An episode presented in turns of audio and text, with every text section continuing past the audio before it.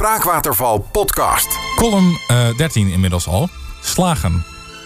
Het is die tijd van het jaar. De tijd waarin mensen links en rechts van je afstuderen. Voor diegenen die niet afstuderen is het een vervelende, confronterende tijd.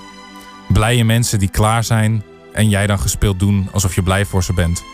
Denkende aan het feit dat je zelf nog zo ver verwijderd bent van datzelfde moment. Maar voor de mensen die afstuderen is het echter misschien wel nog vervelender. Althans, voor mij in zekere zin wel. Drie jaar lang ben je zoet geweest. Met bloed, zweet en tranen. Dan na die drie jaar ben je ineens iets. Ik voel me niet anders dan ik begon. Nou ja, tuurlijk voel ik me anders dan ik begon. Er is in drie jaar veel gebeurd. Maar ik ben nu econoom. Wat betekent dat überhaupt? Drie jaar geleden klinkt niet als lang. Maar ik denk dat ik voor iedereen spreek als ik zeg dat het nogal een bizarre drie jaar is geweest. De eerste keer dat ik rondliep in het grote intimiderende gebouw op Routeseiland als broekie in volle covid-tijd was een raar moment. Ik was te vroeg en ik kende niemand. Dus ik was gaan zitten bij een voor mij onbekend koffietentje en bestelde een koffie. Ik werd heel raar aangestaard door de bediening. Hoe kan het toch dat je als bijna volwassen gast je weer voelt als een brugpieper? Ik ging naar mijn klas, mondkapje op en op afstand van anderen. Niet de meest uitnodige situatie om vrienden in te maken. Echter was het toen nog iets makkelijker dan wat later zou volgen. Het online lesklimaat. Niemand denkt er graag aan terug, maar wat een bizar voorval. Hoorcollege om 9 uur ochtends en dan pas half negen je wekker zetten. Je smeerde een broodje, splasht je wat koud water in je gezicht en je opent je laptop. En in die tijd waren er twee soorten docenten. De uber-enthousiaste die heel wanhopig probeerde te doen alsof er niks aan de hand was. En de docent die er zelf ook geen zin in had, dus met de snelheid van het licht de oefenstof behandelde. Edwin Hinloop, een vakdocent van mij, deed zelf zijn camera niet eens aan.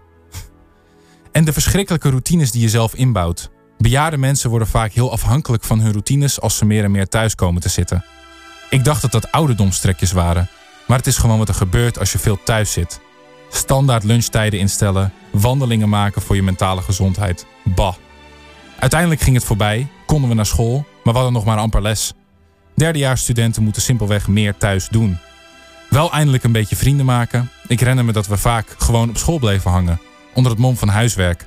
Maar eigenlijk gewoon om er te kunnen zijn, want we waren er zo weinig geweest. En nu is het voorbij. De laatste maand van mijn studie heb ik ook alleen maar thuis gezeten. Scriptie schrijven. Gewoon op een random maandag, de laatste keer op de UvA. Maar het afstudeermoment vandaag was nog vreemder. Het was letterlijk mijn scriptie opslaan als pdf naar de Canvas website en met een paar klikken ben ik klaar. En dan heb je dat akelige gevoel wat je ook hebt na de eerste keer seks of als iemand dichtbij je overlijdt of op Erbens verjaardag. De hele dag het gevoel alsof de wereld niet veranderd is terwijl jouw wereld volledig anders is. Het gevoel dat de aarde doordraait terwijl die voor jou juist even stilstaat. Maar goed, ik wil bij deze graag alle afgestudeerden van harte feliciteren. Club to Date. Elke woensdagavond tussen 7 en 9. Op Meer Radio.